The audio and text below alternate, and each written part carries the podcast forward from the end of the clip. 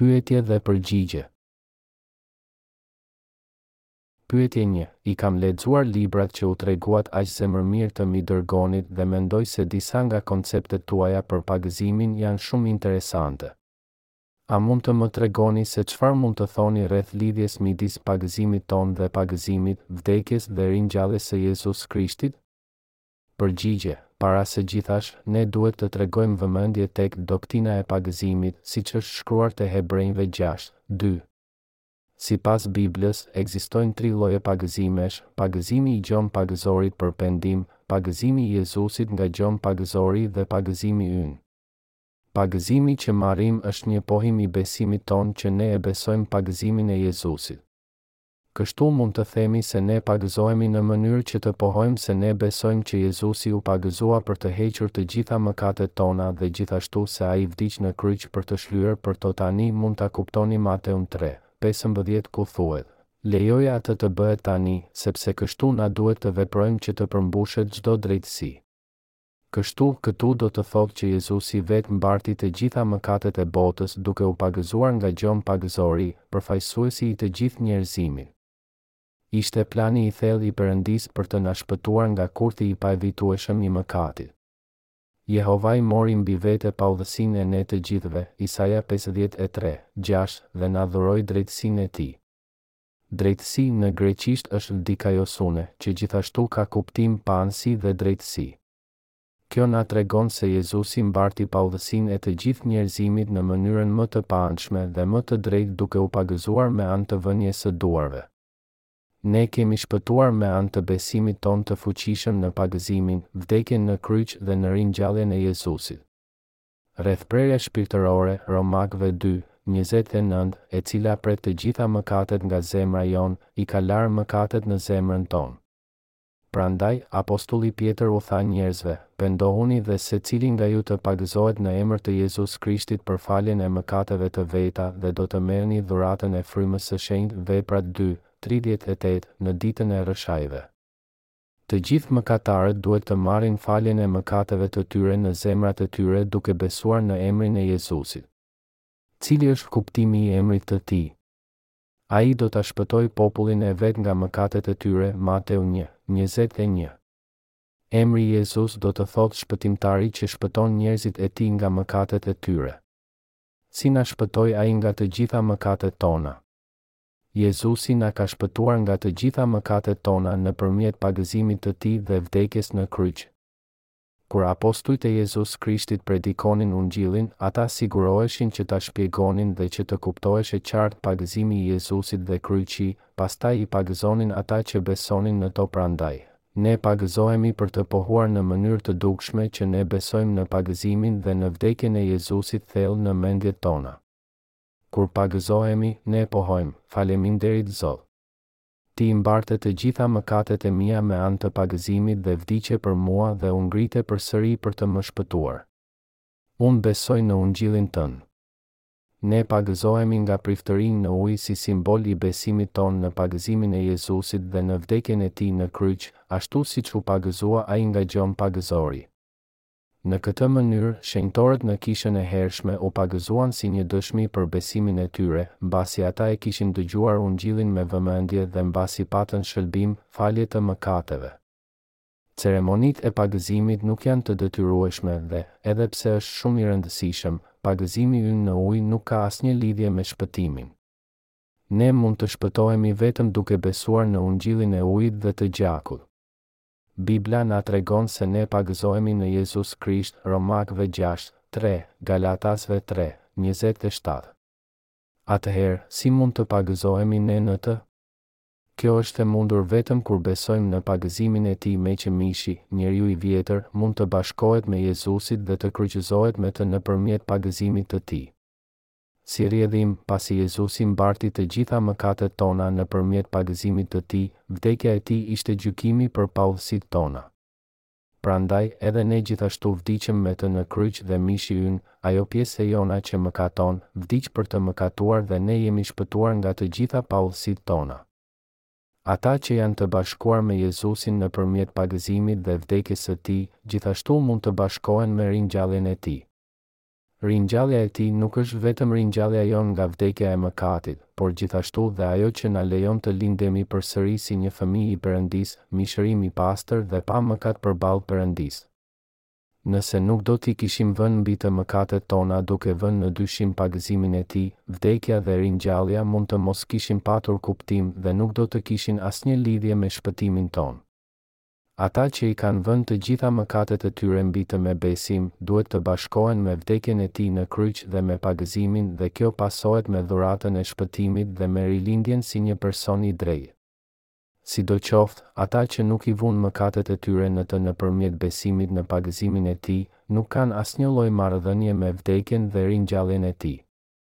Pagëzimi i besimtarëve është i besueshëm ashtu si një burrë e grua bëhen një çift i ligjshëm gjatë ceremonisë së martesës. Pagëzimi i shenjtorëve është një deklaratë e dukshme e një besimi kaq të brendshëm. Kur ne deklarojmë besimin tonë në pagëzimin e Tij dhe në kryq para Perëndisë, shenjtorëve dhe para botës, besimi ynë bëhet akoma dhe më i pandryshueshëm. Duke keqkuptuar kuptimin e vërtetë të pagëzimit që mori Jezusi nga Gjon Pagëzori, nuk duhet të besojmë se mund të shpëtohemi edhe sikur të mos besonim në pagëzimin e tij dhe në domethënien e tij. Kjo është thjesht një dredhi finoke e djallit. Ne marrim falje të mëkateve dhe pastaj mirëpritemi në qiell, duke besuar me të vërtetë në pagëzimin e Jezusit me gjithë zemër, dhe jo duke besuar në pagëzimin tonë. Pyetje dy, Si mund të them se jam i drejtë nëse mëkatoj çdo ditë? Përgjigje, Ne, si qenie njerëzore, mëkatojmë që nga momenti që lindim dhe deri sa vdesim. Në fakt, kjo vjen si rezultat i mënyrës se si janë ndërtuar mendjet tona, të cilat mbajnë mëkat gjatë gjithë kohës me vete. Kështu Bibla thotë, Nuk ka njeri të drejtë, as edhe një, Romakëve tre, dhjetë. Kjo është arsyeja që apostulli Paul pohoi para Perëndisë që, ja një thënie për t'u besuar dhe që ia vlen të pranohet, Krishti Jezus erdhi në botë për të shpëtuar mëkatarët, nga të cilët unë jam më i keq një Timoteu një, pesëmbëdhjetë. Por tani drejtësia e Perëndisë është shfaqur pavarësisht nga ligji dhe për të dëshmon ligji dhe profetët. Drejtësia e Perëndisë vjen nëpërmjet besimit në Jezus Krishtin, për të gjithë ata që besojnë. Nuk ka dallim, sepse të gjithë kanë mëkatuar dhe u mungon lavdia e Perëndisë dhe po shfajësohen falas nga hiri i tij nëpërmjet shpengimit që erdhi nëpërmjet Krishtit Jezus Romakëve tre, njëzet e një, njëzet e katër. Kjo drejtësi e Perëndisë do të thotë që Jezusi u pagëzua nga Gjon Pagëzori në Jordan. Kur Jezusi u pagëzua, ai tha, Lejoje tani, sepse kështu na duhet të veprojmë që të përmbushet çdo drejtësi, Mateu tre, pesëmbëdhjetë. Ai i mbarti mëkatet e botës në mënyrën më të drejtë dhe të paanshme kur u pagëzua nga Gjon Pagëzori, përfaqësuesi i të gjithë njerëzimit. Prandaj Gjoni thërriti të nesërmen mbasi pagëzoi Jezusin, Vini re! Qengji i Perëndisë që heq mëkatin e botës, Gjoni një, njëzet e nëntë. Atëherë, çfarë do të thotë mëkati i botës, këtu? Ai përfaqëson të gjitha mëkatet e të gjitha qenieve njerëzore që nga Adami dhe Eva, njeriu i parë mbi tokë deri në njeriun e fundit të botës. E shkuara ishte bota, e tashmja është bota dhe e ardhmja gjithashtu do të jetë bota.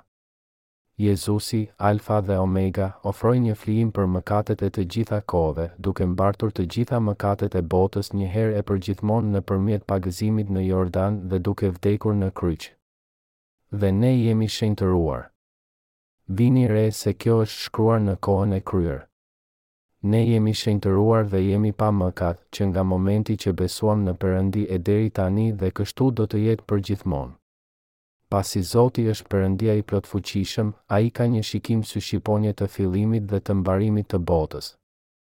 Edhe pse kanë kaluar rreth dy mijë vjet që kur u pagëzua, ai mundi t'i heqë të gjitha mëkatet e qenieve njerëzore që nga fillimi e deri në fund të botës. Prandaj, para se të vdiste në kryq, ai tha, Gjithçka u krye. Gjoni nëntëmbëdhjetë, tridhjetë, Ai i hoqi të gjitha mëkatet botës rreth dy mijë vjet të shkuara dhe vdiq në kryq në mënyrë që t'i lante ato. Ne përsëri mëkatojmë, madje edhe pasi kemi shpëtuar, pasi mishi ynë është i dobët.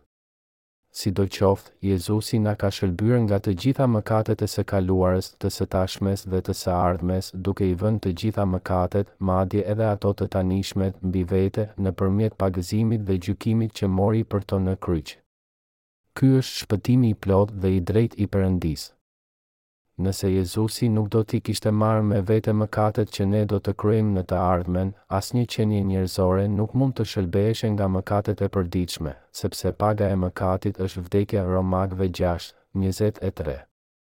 Kur Jakobi dhe Esau ishin akoma në barkun e nënës, Perëndia i ndau ata në dy kombe para se ata të bënin ndonjë gjë të mirë apo të keqe dhe e deshi Jakobin por e urreu Esaun, dhe tha, Më i madhi do t'i shërbejë më të voglit.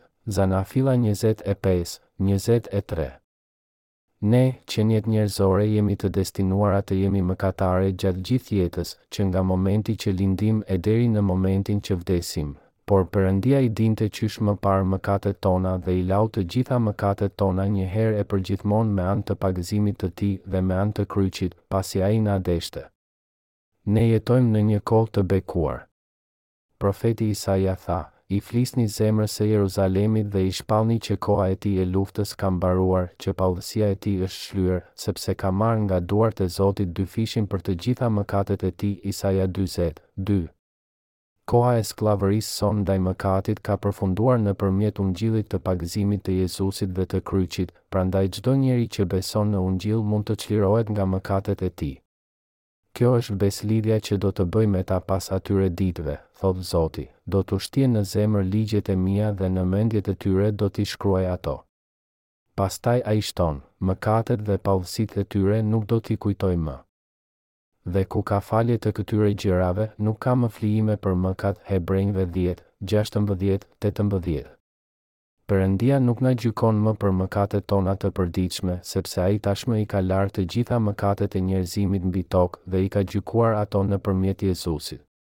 Si rezultat, ne mund të presim për ardhjen e Zotit dhe të ndjekim fjalët e Tij, si njerëz të drejtë pa mëkat, edhe pse akoma mëkatojmë gjatë jetës sonë.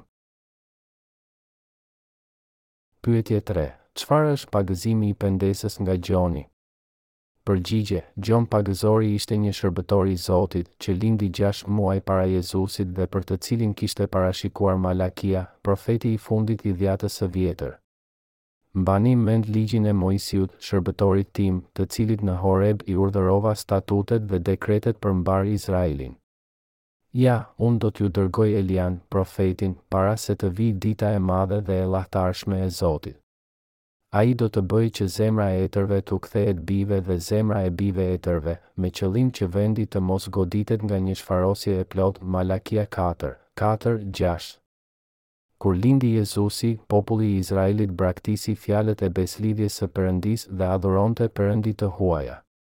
Ata ofronin si flijim kafshën e verbër dhe me të meta dhe e shndërruan tempullin e Perëndisë në një vend biznesi.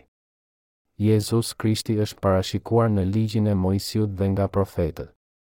Ligji i jep njerëzimit njohurinë e mëkatit, duke u treguar atyre se si ata janë mëkatarë, Romakëve tre, njëzet. Është mëkat të mos veprosh në përputhje me të gjitha gjërat e shkruara në librat e Ligjit.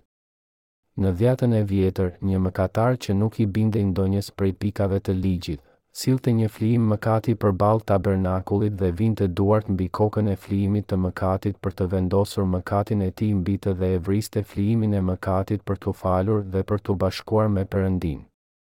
Pastaj prifti merrte me gisht pak nga gjaku i tij dhe e vinte mbi brirët e altarit të alokaustit dhe e derdhte mbetjen e gjakut të tij mbi bazën e altarit. Sidoqoftë, njerëzit e Izraelit nuk mund të çliroheshin nga të gjitha mëkatet e tyre pavarësisht nga këto oferta të përditshme. Prandaj, Perëndia caktoi një ligj të përhershëm për ta, Ditën e Flijimin. Në këtë kohë, Perëndia do t'ua falte mëkatet e tyre vjetore në ditën e dhjetë të muajit të shtatë. Në atë ditë, Aaroni, prifti i lartë, merrte dy cjepër dhe hidhte short për të dy cjeptë, një për Zotin dhe tjetrin për cjapin fajshlyes. Pastaj ai vinte duart mbi kokën e cjapit për Zotin për të kaluar aty të gjitha mëkatet e vitit të njerëzve të Izraelit. Pastaj Aaroni e vriste dhe ia merrte gjakun dhe e spërkaste atë shtatë herë mbi dhe përballë pajtuesit. Pasi mbaronte së shlyeri për vendin e shenjtë, ai ofronte shortin tjetër. Ai vinte duart mbi kokën e cjapit të gjallë dhe rrëfente mbi të të gjitha mëkatet vjetore të Izraelit dhe i kalonte mëkatet mbi të, pastaj e dërgonte atë në shkretëtirë me dorën e një njeriu që qëndronte në gatishmëri. Në këtë mënyrë, izraelitët mund të shëlbeheshin nga mëkatet e tyre vjetore. Sidoqoftë, sakrifica e ofruar sipas ligjit të dhjatës së vjetër nuk mund t'i bënte të përsosur ata që e ofronin atë vazhdimisht, vit pas viti. Ishte vetëm një shembëllim i gjërave të mira, Mesia, që do të vinin. Njerëzit e Izraelit nuk pritën për Jezus Krishtin, Shpëtimtarin. Në vend të kësaj, ata adhuronin perëndi të çuditshme në një botë mëkatare, duke braktisur fjalët e profetëve në dhjatën e vjetër. Kështu, Perëndia parashikoi se ai do të dërgonte Gjon Pagëzorin që të rivendoste zemrat e izraelitëve tek ai dhe t'i përgatiste zemrat e tyre ta pranonin Jezus Krishtin. Para se Gjon Pagëzori të pagëzonte Jezusin, ai u dha pagëzimin e pendimit njerëzve të Izraelit në shkretëtirën e Judesë. Qëllimi i tij i pagëzimit të tyre me ujë ishte që t'i udhëhiqte ata të besonin dhe të shikonin për Jezusin që do të pagëzoheshe prej tij me mënyrën e vënies së duarve, për të hequr të gjitha mëkatet e botës dhe i cili do të kryqëzohej për t'i shpëtuar ata nga të gjitha mëkatet e tyre. Ai tha se Jezusi do të vinte dhe do t'i hiqte flijimet e paplota dhe do të ofronte një flijim për mëkatet e të gjitha kohërave, ashtu si njerëzit e Izraelit shëlbeheshin duke sjellë një flijim të mëkatit pa të meta, duke vënë duart mbi të dhe duke e vrarë atë sipas sistemit të flijimit të Dhjatës së Vjetër. Shumë izraelitë rrëfyen mëkatet e tyre, u penduan dhe u pagëzuan prej tij. Pendim do të thotë të kthesh mendjen e dikujt drejt Zotit. Ata shkuan te Gjoni dhe duke kujtuar ligjin e dhjatës së vjetër, rrëfyen se ata mëkatojnë deri në ditën që vdesin. Ata gjithashtu rrëfyen se ata nuk mund të hynin në mbretërinë e qiellit me anë të veprave të tyre të mira sipas ligjit dhe ata i kthyen mendjet e tyre drejt Jezus Krishtit, që do t'i fshinte të gjitha mëkatet e tyre njëherë e përgjithmonë dhe do të hapte portën e mbretërisë së qiellit. Pagëzimi që Gjon Pagëzori u dha njerëzve të Izraelit ishte siç vijon më poshtë. Ai i la ata të rrëfenin se sa shumë mëkatojnë në jetë dhe të pendoheshin dhe të shikonin për Jezus Krishtin, që do të kryqëzohej për t'i shpëtuar ata nga të gjitha mëkatet e tyre, ashtu siç ai pagëzoi ata dhe i cili do të pagëzohej prej tij, Priftit të Lartë dhe Përfaqësuesit të njerëzimit. Ky është një pendim i vërtetë biblik. Prandaj Gjoni u tha njerëzve, Unë vërtet po ju pagëzoj me ujë për pendim, por ai që vjen pas meje është më i fortë se unë, sandalet e të cilit unë nuk jam i denjë t'i mbaj. Ai do t'ju pagëzojë me frymën e shenjtë dhe me zjarr, Mateu tre, njëmbëdhjetë. Gjon pagëzori i ktheu mendjet e njerëzve drejt Jezusit, u dëshmoi atyre se Jezusi i hoqi të gjitha mëkatet e botës, Gjoni një, njëzet e nëntë, dhe vdiq si martir. Pyetje katër, A nuk mendoni se po të kuptosh se pagëzimi i Jezusit është një domosdoshmëri për shpëtim, kjo e bën të pavlefshme vdekjen e tij në kryq në Ungjill? Përgjigje, Pagëzimi i Jezusit dhe vdekja e tij në kryq kanë një rëndësi të barabartë. Ne nuk mund të themi se njëra apo tjetra ka një rëndësi më të madhe. Megjithatë, problemi është se shumë të krishterë të ditëve të sotme vetëm njohin gjakun e Jezusit në kryq. Ata besojnë se janë falur sepse ai vdiq në kryq, por Jezusi nuk e hoqi mëkatin e botës vetëm me anë të kryqit. Meqenëse ai u pagëzua nga Gjon Pagëzori dhe të gjitha mëkatet e botës u kaluan në të, vdekja e tij në kryq praktikisht mund të quhet si gjykimi për të gjitha mëkatet tona. Të besosh vetëm në kryq pa besuar në pagëzimin e Jezusit është njëlloj si t'i ofrosh një flijim Zotit pa i vënë duart mbi të. Ata që ofronin një ofertë të tillë nuk mund të shëlbeheshin, pasi ishte një ofertë e paligjshme, të cilën Zoti nuk mund ta pranonte. Zoti e thirri Moisinë dhe i foli atij nga tabernakulli i mbledhjeve, duke i thënë, Në rast se oferta e tij është një holokaust i një koke bagëtie nga kopeja, le të ofrojë një mashkull pa të meta, ta çojë në hyrjen e çadrës së mbledhjes me vullnetin e tij përpara Zotit. Do të verë pastaj dorën e tij mbi kokën e holokaustit, që do të pranohet në vend të tij, për të shlyer dënimin në vend të tij, Levitiku një, tre, katër.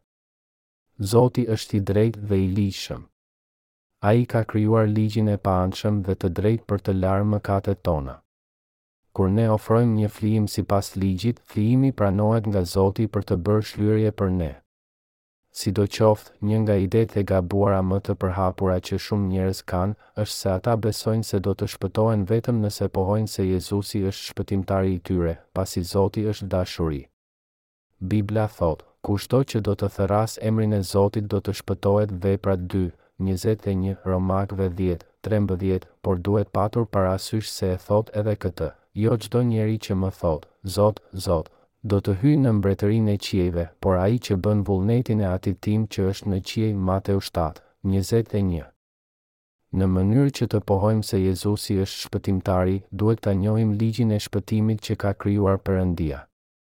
Në qoftë se ne do të shpëtoheshim thjesht vetëm duke besuar në emrin e Jezusit, atëherë nuk do të kishte asnjë arsye që në Shkrimet e Shenjta të shkruheshe rreth sistemit të flijimit të Dhjatës së Vjetër dhe rreth atyre që praktikonin paligjshmërinë te Mateu shtatë, njëzet e një. Megjithatë, mënyra e mahnitshme dhe e përsosur e shpëtimit të Zotit është regjistruar qartë në Bibël. Në të vërtetë, ne mund ta shikojmë qartë nga kapitujt tre, katër te Levitiku, që mëkatari vinte duart e tij mbi kokën e flijimit për të kaluar mëkatin e tij në kokën e flijimit dhe e vriste atë, duke spërkatur gjakun e tij kur ai ofronte ofertat e mëkatit dhe ofertat e paqes. Ofrimi i një flijimi pa vënien e duarve apo ofrimi i një flijimi me të meta janë të pavlefshme dhe nuk mund ta realizojnë shlyerjen. Si fjalët në Dhjatën e Vjetër ashtu dhe në Dhjatën e Re janë të barazvlershme, Isaia tridhjetë e katër, gjashtëmbëdhjetë. Pagëzimi i Jezusit në Jordan është i barazvlershëm me mëkatarin që vendos duart mbi kokën e flijimit të mëkatit në Dhjatën e Vjetër. Kur ai u pagëzua nga Gjon Pagëzori në Jordan, ai tha, Lejoje tani, sepse kështu na duhet të veprojmë që të përmbushet çdo drejtësi, Mateu tre, pesëmbëdhjetë. Këtu, çdo drejtësi do të thotë drejtësi dhe paanshmëri. Kjo do të thotë se është e përshtatshme për Jezusin që të bëhet oferta e flijimit për njerëzimin. Ishte gjithashtu e përshtatshme për të që të pagëzohej nga Gjon Pagëzori në formën e vënies së duarve, për të hequr të gjitha mëkatet e botës në mënyrën më të drejtë sipas sistemit të flijimit, i përbërë nga vënia e duarve dhe nga gjaku, që Perëndia krijoi në Dhjatën e Vjetër. Si pasojë kjo do të thoshte që ai vdiq pa asnjë qëllim, pa patur lidhje me mëkatet tona meqë ato nuk u vunë mbi të, në qoftë se ne do të besonim vetëm në kryqin, por jo në pagëzimin e Jezusit. Kjo rezulton në konsiderimin e gjakut të tij si të papastër dhe të paaftë për t'i larë ato, Hebrenjve dhjetë, njëzet e nëntë. Në këtë mënyrë, gjaku i tij praktikisht do të kishte efekt për të larë mëkatet në zemrat e besimtarëve, vetëm në qoftë se ata do të besonin se të gjitha mëkatet e tyre ishin vënë mbi të kur Gjon Pagëzori e pagëzoi atë me anë të vënies së duarve mbi të. Apostulli Gjon dëshmoi se ai që e mund botën, beson se Jezusi është Biri i Zotit dhe erdhi prej ujit dhe gjakut. Jezusi erdhi nga uji dhe gjaku, dhe jo vetëm nga uji, apo vetëm nga gjaku, një Gjoni pesë, katër, gjashtë.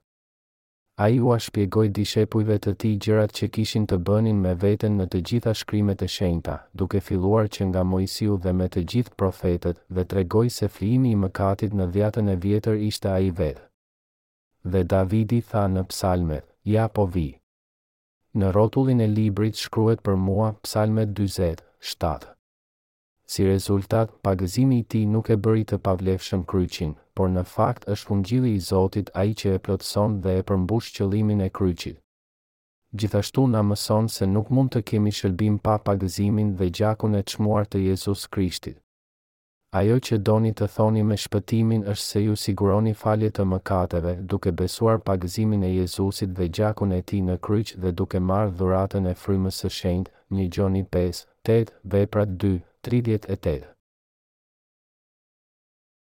Pyetje pesë, A mund të më jepni një shpjegim të Ungjillit të Ujit dhe të Frymës?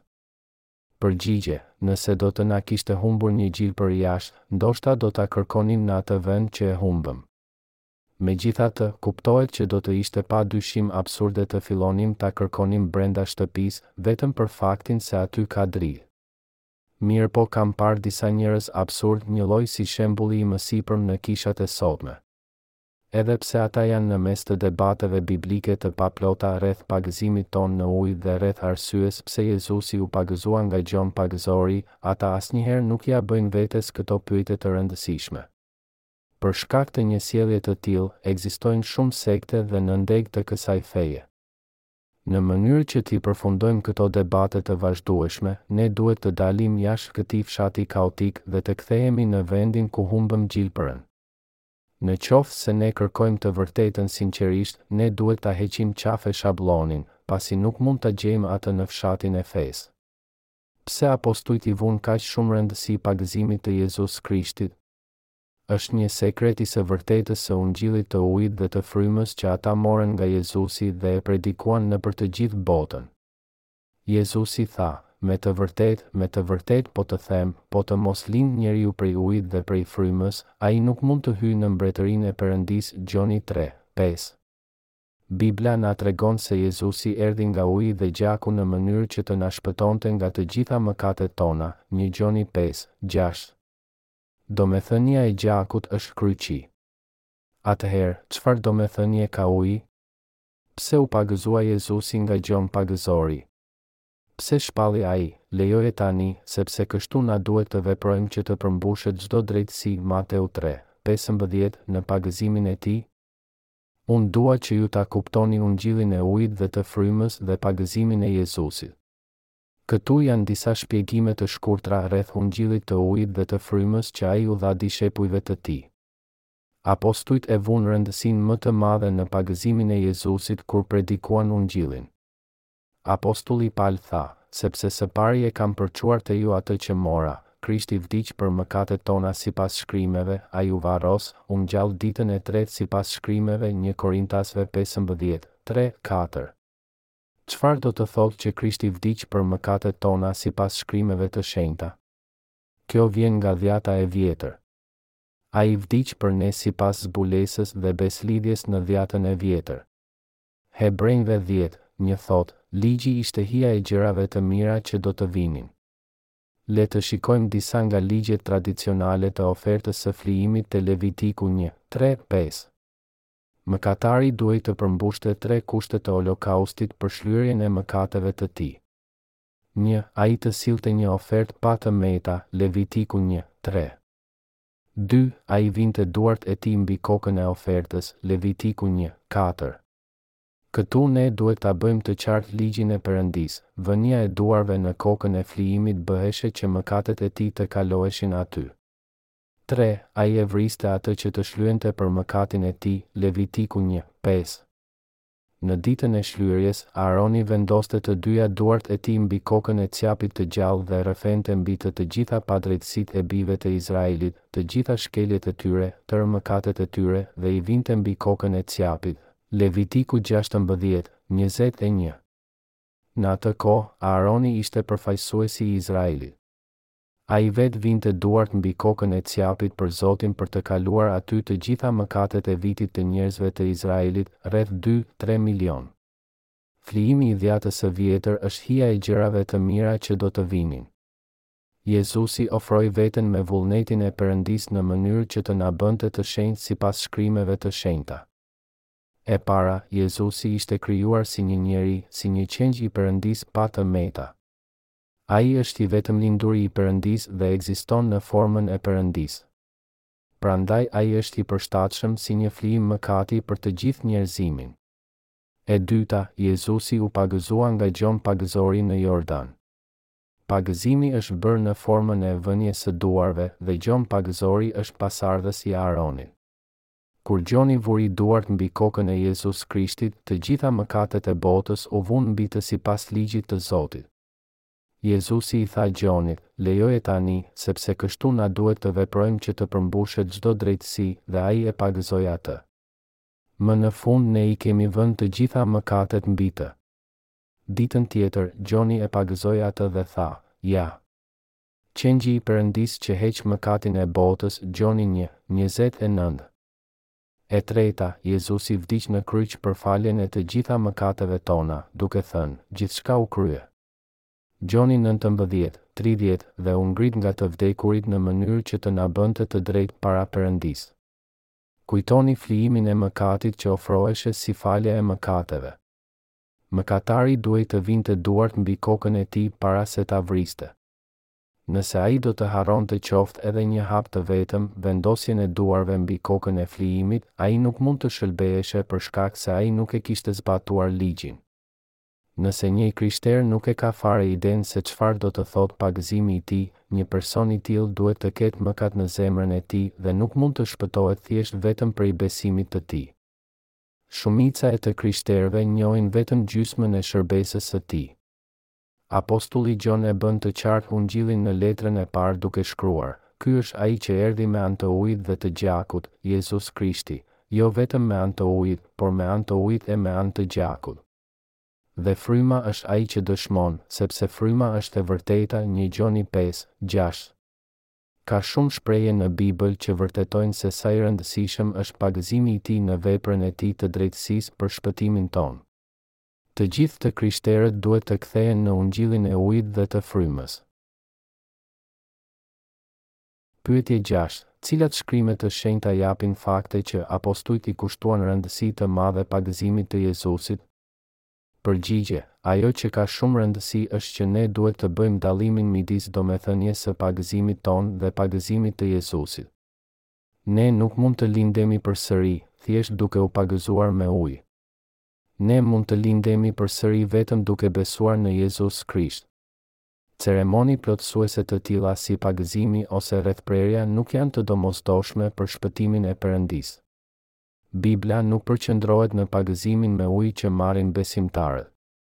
Në vend të kësaj, përqendrohet në pagëzimin që Jezusi mori nga Gjon Pagëzori.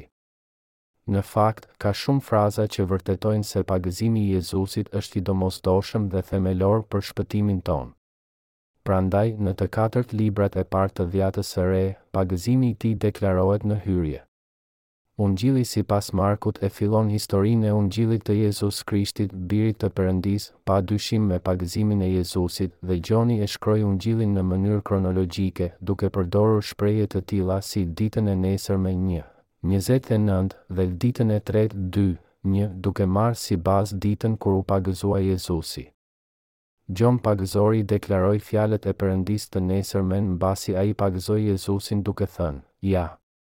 Qengji i Perëndisë që heq mëkatin e botës Gjoni një, njëzet e nëntë Të gjitha mëkatet e botës u vunë mbi të, ndërsa Gjon pagëzori e pagëzoi Jezusin. Dhe pastaj, ai vdiq në kryq për shlyerjen e mëkateve tona, duke thënë, Gjithçka u krye. Gjoni nëntëmbëdhjetë, tridhjetë Dhe u ngrit përsëri nga të vdekurit në ditën e tretë. Apostulli Pal tha, Krishti vdiq për mëkatet tona sipas Shkrimeve një Korintasve pesëmbëdhjetë, tre. Shkrimeve këtu do të thotë Dhjata e Vjetër. Si mundej një mëkatar të ofronte një flijim në mënyrë që të falej? Ai duhej të vinte duart mbi kokën e flijimit të mëkatit para se ta vriste. Nëse ai nuk e kishte bërë procesin e vënies së duarve në kokën e flijimit të mëkatit, ai nuk mund të falej pasi kishte ofruar një flijim të paligjshëm. Apostulli Pal tha, Apo nuk e dini se të gjithë ne që u pagëzuam në Krishtin Jezus jemi pagëzuar në vdekjen e Tij? Romakëve gjashtë, tre. Të pagëzohesh në Krishtin Jezus do të thotë që të besosh pagëzimin e Jezusit në Jordan, dhe jo vetëm pagëzimin tonë me ujë. Atëherë, si mund të jetë që ne pagëzohemi në Jezus? Kur besojmë në faktin që Gjon Pagëzori i vuri të gjitha mëkatet tona mbi të për ne kur pagëzoi Jezusin, atëherë ne mund të pagëzohemi në Të. Sepse të gjithë ju që jeni pagëzuar në Krishtin, jeni të veshur me Krishtin Galatasve tre, njëzet e shtatë. Ata që i kanë kaluar të gjitha mëkatet e tyre te Jezusi nëpërmjet Gjon Pagëzorit janë bërë pa mëkat dhe bëhen fëmijë të shenjtë të Perëndisë. Tek Ai morët rrethprerjen, jo me rrethprerje të kryer nga duar njerëzish, duke hequr mish nga trupi ynë, por me anë të rrethprerjes së bërë nga Krishti Kolosianëve dy, njëmbëdhjetë. Mënyra se si çlirohesh nga mëkati duke lënë mënjanë trupin e mëkatit të mishit është që të bësh rrethprerje me një rrethprerje shpirtërore të bërë pa përdorur duart, rrethprerje është ajo e zemrës, Romakëve dy, njëzet e nëntë, që do të thotë të besosh në pagëzimin e Jezusit që i heq mëkatet në zemrën tonë, tha apostulli Pal. Ky ujë simbolizon pagëzimin që tani ju shpëton ju dhe nuk është heqje e papastërtisë së trupit, por thirrje drejtuar Perëndisë për një ndërgjegje të pastër, nëpërmjet ngjalljes së Jezus Krishtit një Pjetri tre, njëzet e një.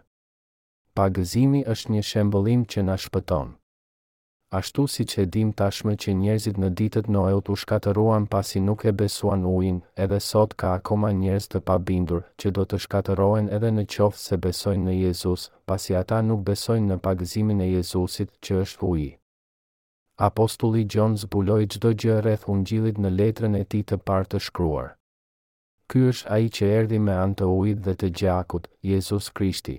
Jo vetëm me anë të ujit, por me anë të ujit e me anë të gjakut, një Gjoni pesë, gjashtë. Jezusi erdhi te ne me anë të pagëzimit të Tij dhe me anë të kryqit për të na shpëtuar nga të gjitha mëkatet tona. Gjoni tha gjithashtu, Edhe tre janë ata që dëshmojnë mbi dhe, fryma, uji dhe gjaku, dhe këta të tre janë të një mendimi, një Gjoni pesë, tetë. Kjo na tregon se pagëzimi i Jezusit, kryqi dhe fryma të gjitha së bashku formojnë një shpëtim të përkryer. Jezusi i tha Nikodemit, Me të vërtetë, me të vërtetë po të them, po të mos lindë njeriu prej ujit dhe prej frymës, ai nuk mund të hyjë në mbretërinë e Perëndisë, Gjoni tre, pesë. Ne lindemi përsëri nga uji dhe nga fryma. Besimi në pagëzimin e Tij me ujë dhe kryqi janë të vetmet gjëra që keni nevojë për t'u shëlbyer dhe për të marrë Frymën e Shenjtë si dhuratë. Ja këtë thotë Bibla rreth të lindurit përsëri. Prandaj, apostulli Pjetër tha, Pendohuni dhe secili nga ju të pagëzohet në emër të Jezus Krishtit për faljen e mëkateve të veta dhe do të merrni dhuratën e Frymës së Shenjtë, Veprat dy, tridhjetë e tetë. Për faljen e të gjitha mëkateve dhe për dhuratën e Frymës së Shenjtë, duhet që gjithmonë të keni besim të pandryshueshëm në zemrat tuaja për pagëzimin e Jezusit. Çfarë mund të themi tjetër? Ka shumë shprehje që vënë theksin në pagëzimin e Tij si një veprim të domosdoshëm të drejtësisë për shpëtimin tonë. Krishterizmi duhet të kthehet në Ungjillin e Ujit dhe të Frymës. Prandaj, t'i lëmë tani mësimet fillestare për Krishtin dhe të vazhdojmë me pjekurinë, pa hedhur përsëri nga e para themelin, pendimi nga veprat që sjellin vdekjen dhe besimi në Perëndinë, mësimi i pagëzimeve, vënia e duarve, ngjallja e të vdekurve dhe gjykimi i përjetshëm, Hebrenjve gjashtë, një, dy. Këtu mund të kemi çelësin për të gjetur Ungjillin origjinal të kishës së hershme. Kisha e hershme ua mësoi doktrinën e pagëzimit, të vënies së duarve, të ringjalljes nga të vdekurit dhe të gjykimit të përjetshëm atyre që u bënë të krishterë. Ne të gjithë duhet të besojmë me gjithë mendjen tonë se Jezusi i hoqi të gjitha mëkatet tona me anë të pagëzimit të Tij dhe vdiq në kryq që të gjykohej për mëkatet tona sipas ligjit të drejtë të Perëndisë. Pyetje shtatë, Kjo gjë është diçka që tashmë e besoj dhe ua mësoj të tjerëve, përveçse faktit që ju thjesht e vini theksin tek pagëzimi i Jezusit që shpesh injorohet. Atëherë, ku ndryshon kaq shumë Ungjilli i Ujit dhe i Frymës? Përgjigje, Të shpëtohesh do të thotë të kesh shëlbim, faljen e mëkateve. Gjithashtu do të thotë që të lindesh përsëri, meqë mëkatari bëhet një person i ndershëm duke besuar në Ungjillin e jetës, që e lejon atë të lindet përsëri prej ujit dhe prej Frymës nëpërmjet shpëtimit të Jezusit. Fryma e Shenjtë shkon tek ata që janë shëlbyer dhe lindur përsëri dhe dëshmon se ata janë fëmijë të Perëndisë. Në këtë mënyrë është e njëjta gjë të marrësh frymën e shenjtë, të shëlbehesh, të lindesh përsëri, të bëhesh fëmijë i Perëndisë dhe të bëhesh i ndershëm. Jezusi tha, Unë jam udha, e vërteta dhe jeta. Askush nuk vjen tek Ati, veçse përmes meje Gjoni katërmbëdhjetë, gjashtë, që nënkupton se vetëm nëpërmjet Jezusit, të vetëmlindurit të Perëndisë, ne mund të hyjmë në mbretërinë e Perëndisë. Kështu që ne duhet të dimë se si Jezusi i lau të gjitha mëkatet tona dhe na futi ne mes atyre që e meritojnë të hyjnë në Mbretërinë e Tij. Pavarësisht nga kjo, shumë të krishterë mendojnë se mund të shpëtohen thjesht vetëm duke thirrur emrin e Tij. Ata besojnë në Jezus madje pa e hapur ndonjëherë Biblën, pa e ditur se çfarë bëri Ai për të na shpëtuar nga të gjitha mëkatet tona. Perëndia është fryma dhe i shenjti me të cilin nuk ka luhatje apo grimë ndryshimi, por ne jemi ata që bëjmë një jetë mëkatari. Hyrja në mbretërinë e Perëndisë bëhet e mundur vetëm nëpërmjet Jezusit, dhe ne mund të besojmë në të vetëm nëpërmjet besimit në ligjin e frymës së jetës në Krishtin Jezus. Shumë njerëz as nuk e dinë se çfarë bëri Jezusi për shpëtim, por besojnë në të verbërisht duke thënë, Zot, Zot! Ata gjithashtu mendojnë se janë shpëtuar por akoma kanë mëkate në zemrat e tyre. Nëse akoma keni mëkat në zemër pavarësisht nga besimi në Jezus, atëherë prej kujt jeni shpëtuar? Nëse dikush pyet, Si i lau Jezusi mëkatet tona? Shumica e njerëzve do të përgjigjen, Ndoshta i lau ato në kryq. Pastaj nëse pyeten, A ke akoma mëkat në zemër? Ata do të përgjigjen, Sigurisht. Emri Jezus do të thotë Shpëtimtari që shpëton njerëzit e tij nga mëkatet e tyre, Mateu një, njëzet e një. Ne besojmë në Jezus në mënyrë që të shpëtohemi nga mëkati. Sidoqoftë, nëse akoma kemi mëkat në zemër edhe pse besojmë në Jezus, ne akoma jemi mëkatarë, shitur në skllavëri të mëkatit dhe do të gjykohemi ashtu siç e meritojmë. Apostulli Pal tha, Tani pra, nuk ka asnjë dënim për ata që janë në Krishtin Jezus, Romakëve tetë, një. Pra është e kuptueshme se dikush që akoma ka mëkat në zemrën e vet, akoma nuk është një me Jezus Krishtin. Pse mbeten ata akoma si mëkatari që nuk është shëlbyer dhe që e ka braktisur shpëtimin edhe pse akoma besojnë në Jezus? Kjo vjen sepse ata vetëm besojnë në gjakun e kryqit, pa i vënë mëkatet e tyre mbi të me anë të pagëzimit të Jezusit. Prandaj, ata akoma kanë mëkat në zemrat e tyre, ndonëse Jezuis vdiq në kryq pavarësisht nga mëkatet e tyre. Ekziston një ndryshim shumë i madh midis besimit në pagëzimin e Jezusit dhe mosbesimit në të, disa marrin shëlbim dhe bëhen të drejtë duke patur besim në pagëzimin e Jezusit, ndërsa të tjerët akoma mbesin si mëkatarë pa patur besim në të. Fryma e Shenjtë nuk shkon te mëkatari. Fryma e Shenjtë shkon vetëm tek të drejtët që kanë shëlbim me anë të Ujit dhe të Frymës. Kështu. Apostulli Pal tha, Apo nuk e dini se të gjithë ne që u pagëzuam në Krishtin Jezus jemi pagëzuar në vdekjen e Tij? Romakëve gjashtë, tre. Shumë njerëz besojnë se Jezusi i hoqi mëkatet tona në kryq, por ne asnjëherë nuk mund të pohojmë se nuk kemi ndonjë mëkat në zemrat tona nëse nuk besojmë në pagëzimin e Jezusit. Nëse e bëjmë këtë, jemi fajtorë se themi një gënjeshtër para Perëndisë dhe kjo gjithashtu është kundër ndërgjegjes sonë. Në të vërtetë, ne përsëri kemi mëkat në zemër nëse nuk i vemë të gjitha mëkatet tona mbi të duke besuar në pagëzimin e Tij. Nëse individët nuk e besojnë pagëzimin e Jezusit dhe kryqin, ata do të bien në legalizëm dhe do të bëhen mëkatarë të mëdhenj. Në këtë mënyrë, pavarësisht se çfarë bëjnë, për shembull si lutja në male apo lutja për falje në sallat e lutjeve, ata do ta shikojnë se përsëri ka mbetur mëkat në zemrat e tyre. Jezusi tha, Jo çdo njeri që më thotë, Zot, Zot, do të hyjë në mbretërinë e qiejve, por ai që bën vullnetin e Atit tim që është në qiej.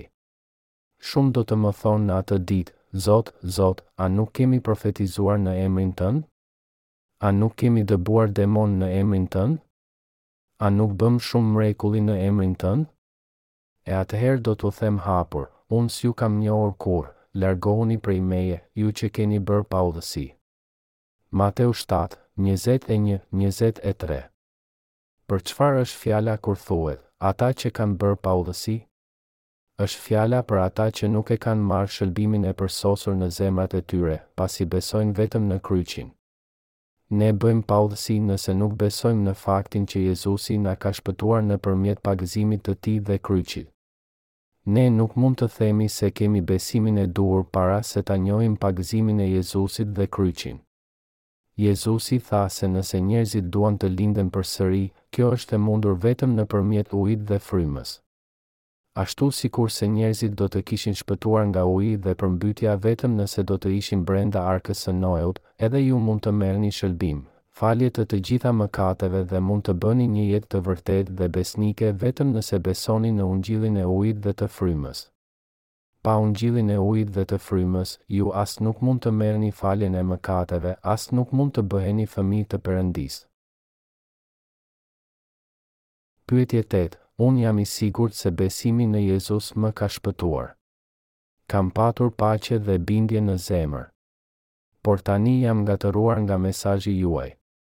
A duhet që të besoj edhe në pagëzimin e Tij edhe në kryqin e Tij për t'u shpëtuar?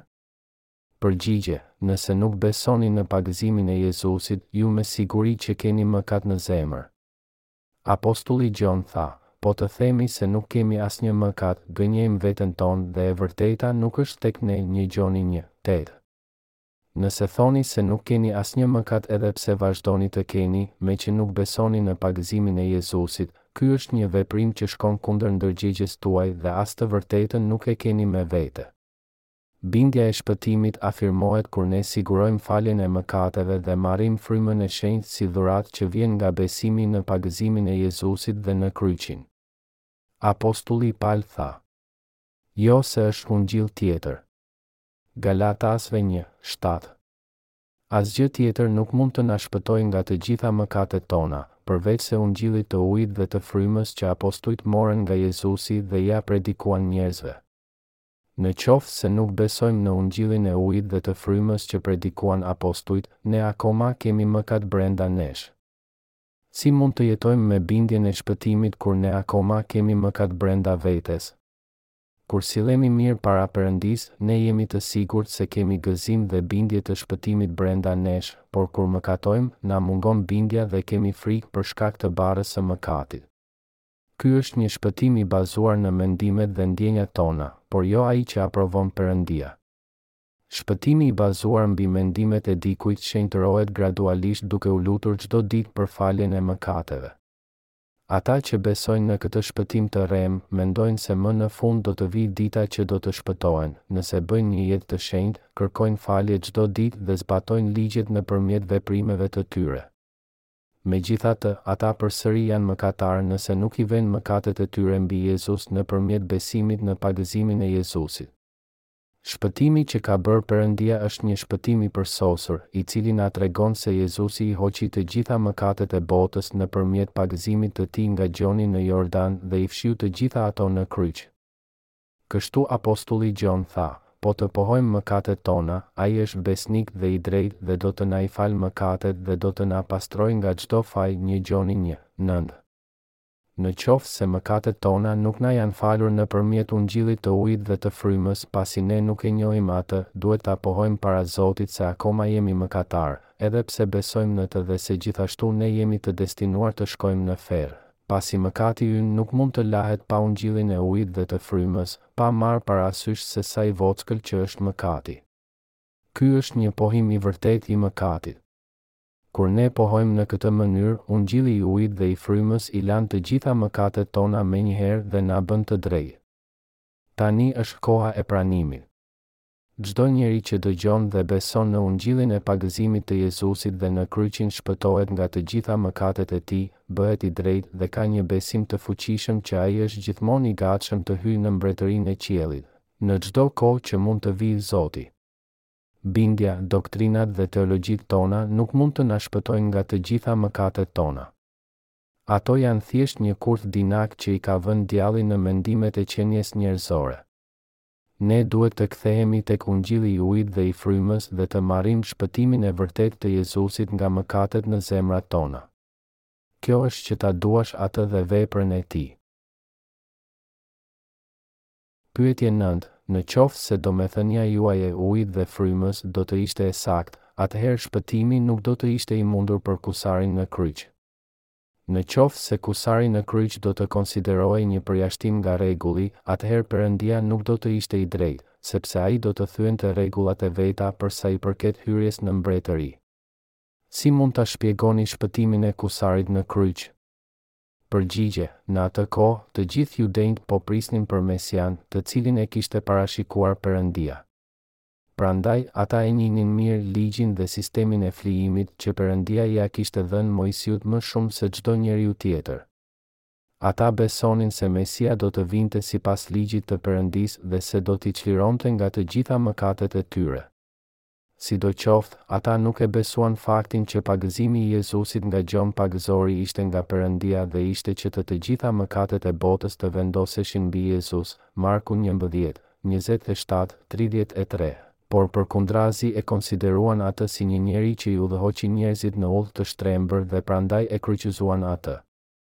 Meqenëse romakët mbroheshin nga ligji romak nga rrahja me kamzhik apo kryqëzimi, veprat, njëzet e dy, njëzet e pesë, njëzet e nëntë, njëzet e tre, njëzet e shtatë, atëherë nga kjo kuptojmë që kusarët në kryq nuk ishin romakë, por judenj. Ne gjithashtu e dimë nga fjalët e tij se Kusari ishte një jude që e kishte frikë Perëndinë, duke thënë, Zot, kujtohu për mua kur të shkosh në mbretërinë tënde, Luka njëzet e tre, dyzet e dy. Sepse Ungjilli i Mbretërisë së Qiellit nuk u ishte predikuar jo-hebrenjve derisa Pjetri ua predikoi Ungjillin atyre, Veprat dhjetë, një, njëmbëdhjetë, tetëmbëdhjetë. Kusari e njihte në atë kohë Ligjin dhe sistemin e flijimit që Perëndia ia dha Moisiut. Kështu që ai besonte që Mesia do të vinte sipas ligjit të Perëndisë. Ata që shkojnë te Perëndia duhet ta pohojnë se janë mëkatarë, të destinuar për të shkuar në ferr për mëkatet e tyre. Kusari i rrëfeu mëkatet e tij duke thënë, Ne me të drejtë, sepse po marrim çka meritojmë për ato që kemi bërë, Lluka njëzet e tre, dyzet e një. Ne gjithashtu e dimë nga fjalët e tij se Kusari e kishte frikë Perëndinë dhe shpresonte në mbretërinë e qiellit, duke thënë, Zot, kujtohu për mua kur të shkosh në mbretërinë tënde, Luka njëzet e tre, dyzet e dy.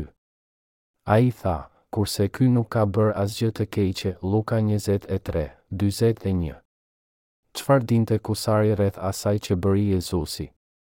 Ai besonte se Jezusi ishte krijuar nga Fryma e Shenjtë, kishte lindur nga Virgjëresha Maria, ishte pagëzuar nga Gjon Pagëzori, përfaqësuesi i njerëzimit, se ai i hoqi të gjitha mëkatet e botës dhe u kryqëzua. Ai ishte një jude që e besonte në zemrën e tij atë që bëri Jezusi, edhe pse ai u kryqëzua për të marrë hakën e merituar të sjelljes dhe punëve të tij në këtë botë. Ata që i pohuan mëkatet e tyre nëpërmjet pagëzimit të Gjonit e pranuan drejtësinë e Perëndisë kur dëgjuan se të gjitha mëkatet e tyre u vunë mbi Jezusin nëpërmjet pagëzimit të Tij. Megjithatë, ata që nuk e pranuan pagëzimin e pendesës të Gjonit, e hodhën poshtë vullnetin e Perëndisë për ta sepse ata nuk besuan as në pagëzimin e Jezusit, Luka shtatë, njëzet e tetë, tridhjetë. Përkundrazi, Kusari që shpëtoi, pohoi se çdo gjë që kishte bërë Jezusi ishte e saktë dhe e drejtë, ndërsa judenjtë e tjerë nuk e bënë këtë. Ai mund të thoshte se Jezusi ishte i drejtë, sepse ai i pohoi mëkatet e tij nëpërmjet pagëzimit të Gjonit dhe besoi se Jezusi i hoqi të gjitha mëkatet e tij nëpërmjet pagëzimit të tij. Për këtë arsye, ai mund të shpëtohej. Ai gjithashtu ishte një njeri që besonte në ungjillin e ujit dhe të frymës. Meqenëse Perëndia është i drejtë, ai justifikon ata që besojnë në pagëzimin e Jezusit dhe në kryq sipas ligjit të tij. Pyetje dhjetë, Meqenëse Perëndia është i mëshirshëm dhe i dhembshur, a nuk do të na konsideronte të drejtë nëse besonim në Jezus edhe pse kemi mëkat në zemër? Përgjigje, Perëndia është dashuri dhe gjithashtu i drejtë. Prandaj, Ai është i drejtë dhe e gjykon mëkatin pa marrë parasysh asgjë. Pagesa e mëkatit është vdekja Romakëve gjashtë, njëzet e tre. Kjo do të thotë që një mëkatar është i destinuar të shkojë në ferr mbasi është gjykuar. Ai i ndan të ndershmit nga mëkatarët, ashtu si ndau dritën nga errësira. Perëndia i quan të drejtë ata që nuk kanë mëkat duke besuar se Jezusi i lau të gjitha mëkatet e tyre nëpërmjet pagëzimit të Tij dhe u kryqëzua për t'u gjykuar për mëkatet e tyre. Megjithatë, ata që akoma kanë mëkat brenda vetes, sepse nuk besojnë në pagëzimin e Jezusit, janë mëkatarë në praninë e Perëndisë. Këta njerëz janë ata që nuk besojnë në ujin, ose me fjalë të tjera, në pagëzimin e Jezusit, ashtu si nuk besuan edhe njerëzit e ditëve të Noeut. Nëse Perëndia do t'i konsideronte ata që akoma kanë mëkat brenda vetes si të drejtë dhe jo mëkatarë, atëherë Ai do të gënjente dhe prandaj nuk do të mund të gjykonte ose të mbretëronte mbi të gjitha krijesat e Tij. Ai tha, Unë nuk do ta fal të ligun, Eksodi njëzet e tre, shtatë. Të ligjtë janë ata që ndjekin dhe mbështeten më shumë në traditën e njerëzve, duke e lënë mënjanë ungjillin e ujit dhe të frymës, me anë të të cilëve Perëndia na ka shëlbyer nga të gjitha mëkatet në mënyrën më të drejtë dhe të paanshme. Jezusi tha, Për mëkat, sepse nuk besojnë në mua, Gjoni gjashtëmbëdhjetë, nëntë. Është mëkati i vetëm i mbetur mbi tokë, që të mos besosh në faktin që Jezusi i ka hequr të gjitha mëkatet tona nëpërmjet pagëzimit të Tij dhe kryqit dhe që Ai është bërë Shpëtimtari ynë. Ky është mëkati i blasfemisë kundër Frymës së Shenjtë, i cili nuk mund të falet asnjëherë. Nuk ka asnjë mënyrë tjetër për t'u shpëtuar për ata që blasfemojnë kundër Frymës së Shenjtë, sepse ata nuk besojnë që Jezusi i ka larë të gjitha mëkatet e tyre. Apostulli Gjon tha, Kushdo që bën mëkat, shkel edhe Ligjin, në fakt, mëkati është shkelje e Ligjit. Por ju e dini se Ai u shfaq që të heqë mëkatet. Në të nuk ka mëkat. Kushdo që qëndron në të, nuk jeton në mëkat. Kushdo që mëkaton, nuk e ka parë Atë, as nuk e ka njohur, një Gjoni tre, katër, gjashtë. të mos besosh në faktin që Jezusi i ka hequr të gjitha mëkatet tona me anë të pagëzimit të Tij dhe me anë të kryqit është të bësh paudhësi, dhe ata që bëjnë paudhësi nuk do të pranohen nga Ai në ditën e fundit. Ata që veprojnë në përputhje me të dhe nuk kanë mëkat, janë bashkuar me Jezusin duke qenë të pagëzuar me Të. Ata që i kanë vënë mbi të të tëra mëkatet e gjithë jetës së tyre nëpërmjet pagëzimit të tij nuk kanë mëkat, edhe pse akoma mëkatojnë për shkak të dobësisë së mishit. Perëndia i quan të drejtë ata që i kanë vënë mëkatet e tyre mbi Jezusin dhe janë shenjtëruar nëpërmjet ligjit të frymës së jetës. Dhe si dhuratë ai u jep atyre frymën e shenjtë. Fryma e shenjtë asnjëherë nuk shkon tek ata që kanë mëkat në zemrat e tyre. Bibla thotë, Sepse ti nuk je një Perëndi që kënaqet në pabesinë, te ti nuk mund të zërë vend e keqja, Psalmeve pesë, katër. Fryma e shenjtë e Perëndisë asnjëherë nuk qëndron në zemrat e atyre që kanë mëkat brenda vetes. Një mëkatar që nuk e ka frymën e shenjtë brenda vetes mund të thotë se ai nuk ka mëkat sipas doktrinës dhe mendimeve të veta. Megjithatë, ai asnjëherë nuk mund të thotë me besim se nuk ka mëkat dhe se është i drejtë në zemër, pasi e vret ndërgjegjja. Prandaj, një person i tillë thotë që është mëkatar në sy të njerëzve të tjerë dhe thotë që është i drejtë në sy të Perëndisë. Por Perëndia asnjëherë nuk e quan mëkatarin të drejtë. Mëkatari i nënshtrohet gjykimit dhe ai duhet të besojë në Ungjillin e Ujit dhe të Frymës.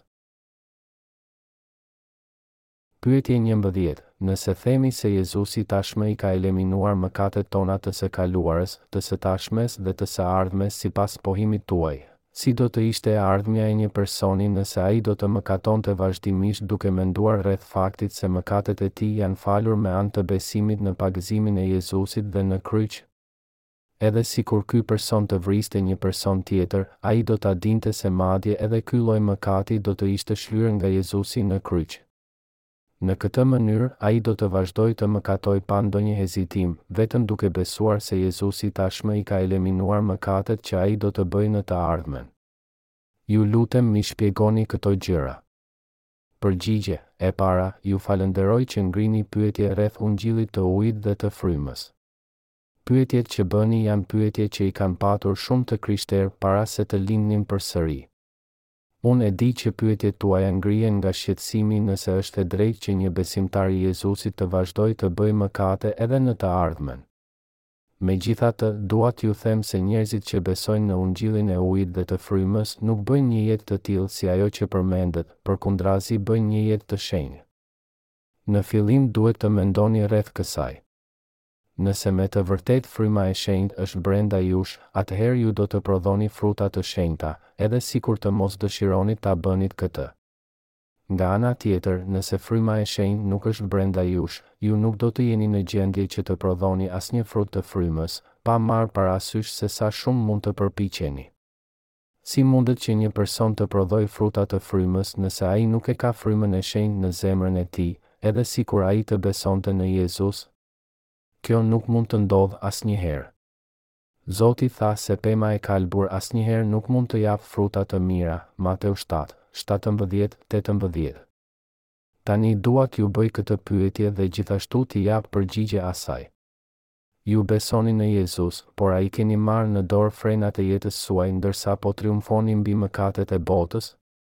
A po jetoni si një shërbëtor i drejtë i Perëndisë duke i mposhtur mëkatet e botës, duke i shërbyer Zotit më shumë dhe duke i lejuar të tjerët të shpëtohen nga të gjitha mëkatet e tyre, duke ua shpërndarë atyre Ungjillin e ujit dhe të Frymës për të cilin ka folur Zoti?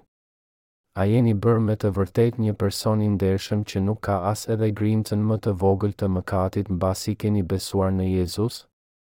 I vetmi besim dhe Ungjill që ju lejon t'i përgjigjeni me po kësaj pyetjeje është Ungjilli i Ujit dhe i Frymës, për të cilin Zoti ka ndarë dëshmi në Dhjatën e Vjetër dhe të Re. Sigurisht që nuk po përpiqem t'ju tërheq në njërin nga sektet e shumta fetare që ekzistojnë në Krishterizmin bashkëkohor. Ne vazhdojmë të mëkatojmë në botë edhe mbasi besojmë në Jezus. Megjithatë, Zoti ynë u pagëzua nga Gjoni dhe derdhi gjakun e tij në kryq për të na shpëtuar nga të gjitha mëkatet e botës. Prandaj, Zoti ka bërë një veprim të drejtë për ne dhe ne gjithashtu jemi shpëtuar nga mëkatet e botës nëpërmjet besimit tonë në drejtësinë e Perëndisë dhe në pagëzimin e gjakun e Zotit, me anë të të cilëve Ai ka eliminuar mëkatet tona. Dua t'ju bëj pyetjen e mëposhtme. A jeni i lirë nga mëkatet e ndërgjegjes tuaj? A nuk ishit mëkatar edhe pasi besuat në Jezus njëlloj sikur ishit para se të besonit në Të? Nëse kjo është e vërtetë, është ndoshta sepse ju nuk dinit ndonjë gjë rreth Ungjillit të Ujit dhe të Frymës. Prandaj, ju keni rënë në problemet dhe në hutimet e pandara nga mishi, sepse ju nuk e zotëroni Frymën në zemrën tuaj. Edhe sikur të jeni një besimtar i vërtetë i Jezusit, ju mund t'i largoni mendimet e mishit duke e zbrazur zemrën dhe duke futur atje ungjillin e ujit dhe të frymës. Duhet të mos ia vini veshin mendimeve trupore dhe t'i ktheheni fjalëve të Perëndisë në mënyrë që ta kuptoni faktin që ungjilli i ujit dhe i frymës është e vërteta. Ka shumë njerëz në këtë botë që e ndryshojnë sipas dëshirës ligjin e shpëtimit që ka krijuar Zoti, edhe pse thonë se besojnë në Zot.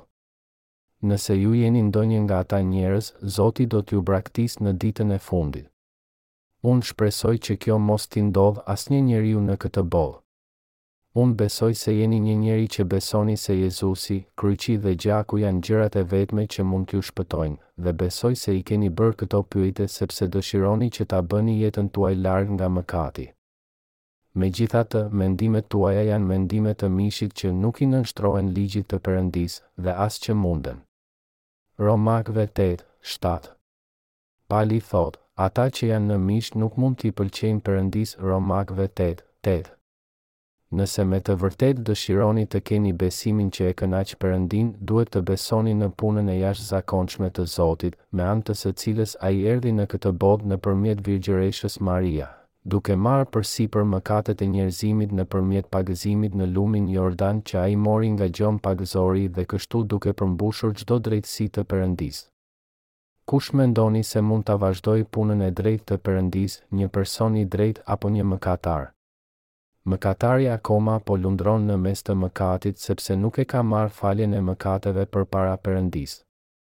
Në këtë mënyrë, e vetmja gjë që e pret këtë njeri është gjykimi për mëkatet e tij. Perëndia nuk mund t'i lerë mëkatarët të hyjnë në mbretërinë e tij.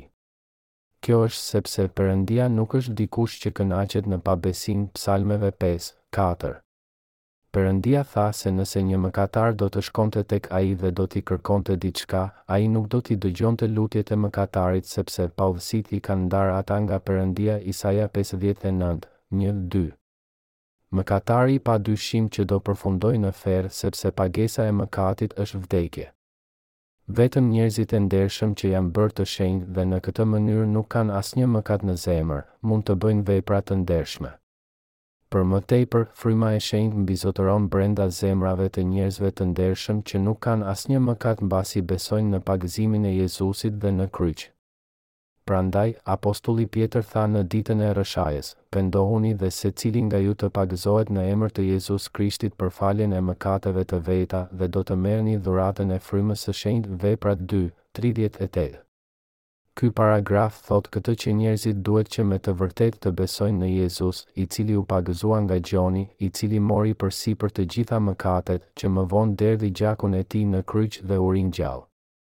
Mbasi besojnë në këtë, ata duhet të marrin pagëzimin në emrin e Jezus Krishtit si një shembullim i këtij besimi. Jezusi i urdhëroi dishepujt e tij që të pagëzojnë çdo njeri në emrin e Atit dhe të Birit dhe të Frymës së Shenjtë, Mateu njëzet e tetë, nëntëmbëdhjetë.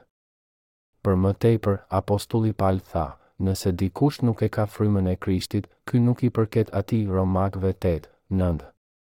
Perëndia ua jep frymën e shenjtë të ndershmëve në mënyrë që t'i vulosë ata si fëmijët e tij. Fryma nuk ekziston brenda mëkatarëve sepse ata kanë mëkat. Fryma e shenjtë nuk e pëlqen mëkatin, përkundrazi preferon shenjtërinë, të qenurit larg nga mëkati. Fryma gjithashtu i drejton njerëzit e ndershëm drejt udhës së ndershme që i udhëheq ata të ndjekin vullnetin e Atit. Atëherë, cili është vullneti i Atit? Ai është që ungjilli i ujit dhe i frymës të përhapet te njerëzit e çdo kombi dhe që ata të pagëzohen sipas porosisë së madhe. Mishi i të drejtëve dhe i mëkatarëve kryen mëkat derisa ata vdesin. Sidoqoftë, Zoti ka bërë veprën e drejtë të eleminimit të të gjitha mëkateve që bëjnë njerëzit me mishin dhe me zemrat e tyre me anë të pagëzimit dhe të gjakut të tij. Kjo është drejtësia e Perëndisë që përmbushi Jezusi. Në këtë mënyrë është shkruar në Bibël, sepse në të zbulohet drejtësia e Perëndisë që është fund e krye nga besimi, siç është shkruar, I drejti do të jetojë prej besimit Romakëve një, shtatëmbëdhjetë. Personi që ka marrë faljen e mëkatit mbasi ka besuar në drejtësinë e Perëndisë do të dalë fitues mbi fatin ku të mos kishte asnjë mundësi tjetër përveçse të bënte mëkat me mishin e tij, por në vend të kësaj ai do të ndjekë drejtësinë. Kjo bëhet e mundur vetëm në sajë të Frymës së Shenjtë që shkon mbi ata që besojnë në Ungjillin e Ujit dhe të Frymës. Të gjitha mëkatet e së kaluarës, të tashmes dhe të së ardhmes të një personi të drejtë i janë kaluar Jezusit kur ai u pagëzua nga Gjon Pagëzori. Mishi i të drejtëve gjithashtu ka vdekur së bashku me Jezusin, për shkak të paudhësive të tyre. Kur një person e beson këtë, ai bashkohet së bashku me Jezusin dhe në ngjashmërinë e vdekjes së tij. Kjo gjë gjithashtu bëhet gjykimi për të gjitha mëkatet e tij, Romakëve kapitulli gjashtë. Prandaj, edhe nëse mishi i një personi të drejtë që ka vdekur në kryq së bashku me Jezusin nuk ka asnjë rrugë tjetër përveçse të mëkatojë vazhdimisht gjatë gjithë jetës së tij, Fryma e Shenjtë që mbizotëron në zemrën e tij, e udhëheq atë në atë mënyrë që ai të ndjekë frymën. Një person i drejtë ndjek frymën e shenjtë dhe bën punën e tij, sepse fryma e shenjtë mbizotëron brenda tij.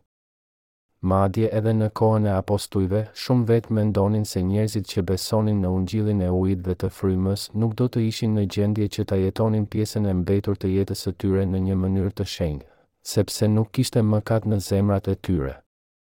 Megjithatë, këta lloj njerëzish ishin njerëz që e keqkuptuan ungjillin e vërtetë të ujit dhe të frymës që shpërndanë apostujt, duke patur mendime të pavetëdijshme të mishit.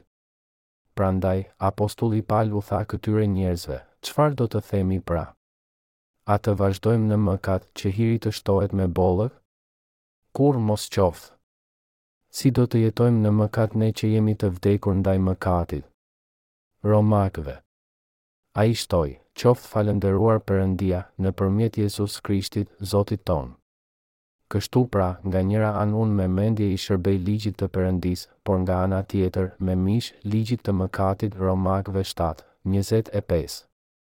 Si konkluzion, mishi i të drejtëve është akoma i mangët dhe nuk ka rrugëdalje tjetër përveçse të mëkatojë vazhdimisht, por ata akoma e ndjekin frymën e shenjtë, duke predikuar Ungjillin tek e gjithë bota.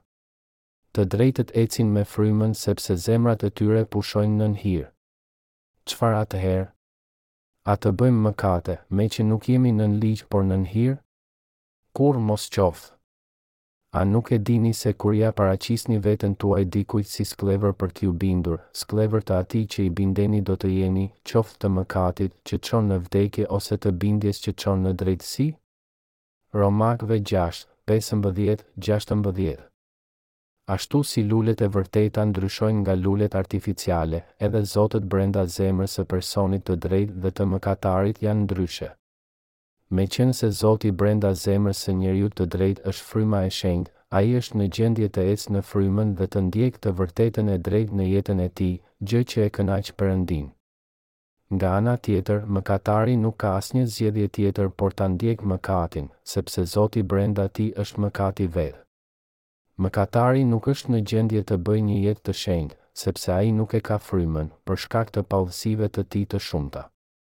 Besimi se besimtarët e Ungjillit të Ujit dhe të Frymës nuk janë në gjendje të bëjnë jetë të shenjtë, është vetëm një falsitet i ngritur nga mendimet instinktive të mishit. Shumë njerëz të ditëve të sotme nuk e kuptojnë jetën e të drejtëve, edhe pse ata e pranojnë Ungjillin e Ujit dhe të Frymës si Ungjillin e vërtetë. Dhe kjo vjen për shkak se ata nuk e njohin atë dhe se gjithashtu nuk e kanë marrë atë në zemrat e tyre. Çfarë mendoni rreth veprës së drejtë të ofrimit të kaq shumë pasurie dhe sakrifice në mënyrë që Ungjilli të shpërndahet në të gjithë botën? Sipas mendimeve tuaja, pse mendoni ju që ne, si njerëzit që besojmë në Ungjillin e Ujit dhe të Frymës do të bënim me paramendim një mëkat me pretekstin e Ungjillit? Të drejtët bëjnë mirë nga besimi në mes të dritës të së vërtetës dhe të drejtësisë së Perëndisë. Ata që e venë në veprim drejtësinë kanë lindur nga Perëndia. Ne vetëm po ia bëjmë të ditur pjesës tjetër të njerëzimit rreth Ungjillit në të cilin Jezusi i ka larë të gjitha mëkatet e tyre me anë të pagëzimit dhe gjakut të tij. Për më tepër, ajo që shpresojmë ne është që ju dhe të tjerët të merrni shpëtim nga mëkatet e botës duke besuar me të vërtetë me të gjithë zemrën tuaj në Ungjillin e Ujit dhe të Frymës si dhe të takoheni me Zotin në ditën e fundit.